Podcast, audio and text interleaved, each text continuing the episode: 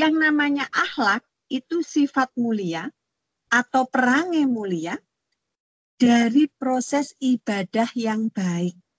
Jadi kalau dia ibadahnya baik, ibadahnya benar, maka akan tampak dari akhlaknya itu.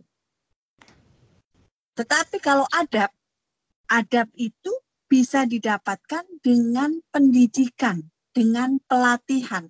Jadi kalau tadi misalnya orang Jepang yang uh, selalu on time gitu ya, uh, dia kalau antri itu apa ya tertib gitu ya, itu karena apa? Karena dia itu biasa dididik oleh orang tuanya seperti itu.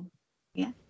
Kebetulan eh, beberapa tahun yang lalu ya sekitar 9 tahun saya tinggal di Jepang itu orang-orang Jepang sangat sangat disiplin gitu ya. Kenapa? Karena memang pendidikannya seperti itu. Padahal sebenarnya itu akhlak seorang muslim. Nah, tadi makanya orang muslim kalau ibadahnya itu benar, proses ibadahnya benar, maka dia akan mempunyai akhlak yang mulia. Harusnya seperti itu, ya. Makanya ada seorang ulama ya, Ibnu Mubarak mengatakan bahwa kami belajar adab 30 tahun dan belajar ilmu 20 tahun. Maksudnya apa?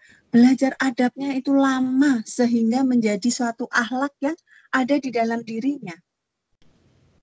Jadi si Ibnu Mubarak ini disuruh ibunya itu pergi belajar, tapi belajar adab dulu selama 30 tahun. Baru setelah itu beliau belajar ilmunya.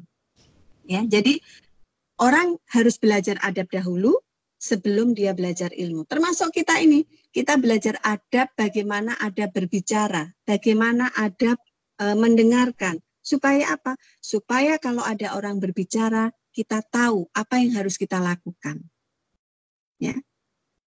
Karena sesungguhnya diamnya ya. Jadi kalau kita nggak perlu bicara kita diam ya. Diamnya seorang muslim itu fikir. Maksudnya apa? Seorang muslim yang diam itu memikirkan sesuatu sesungguhnya apa yang harus saya katakan? Tidak semua harus dikatakan ya ucapannya adalah dikir jadi ucapannya seorang muslim itu dikir maksudnya apa pada saat dia mengucapkan sesuatu maka ucapannya adalah hal-hal yang bermanfaat hal-hal yang mengingatkan kepada Allah itu adalah orang muslim ya. Sedangkan amalnya, amal dari seorang muslim adalah keteladanan. Jadi contoh orang muslim itu akan kelihatan ya. Kalau dia diam, dia sebenarnya berpikir untuk hal-hal yang positif. Kalau dia berbicara, berbicaranya itu mengajak kepada kebaikan. Kalau dia beramal, amalnya itu adalah keteladanan, contoh. Jadi orang melihat langsung tahu. Ya. Makanya di dalam salah satu hadis Rasulullah menyampaikan Barang siapa yang beriman kepada Allah dan hari akhir, hendaklah berbicara yang baik atau diam. Nah, di sini ya. Kalau tidak bisa ngomong yang baik, maka lebih baik diam.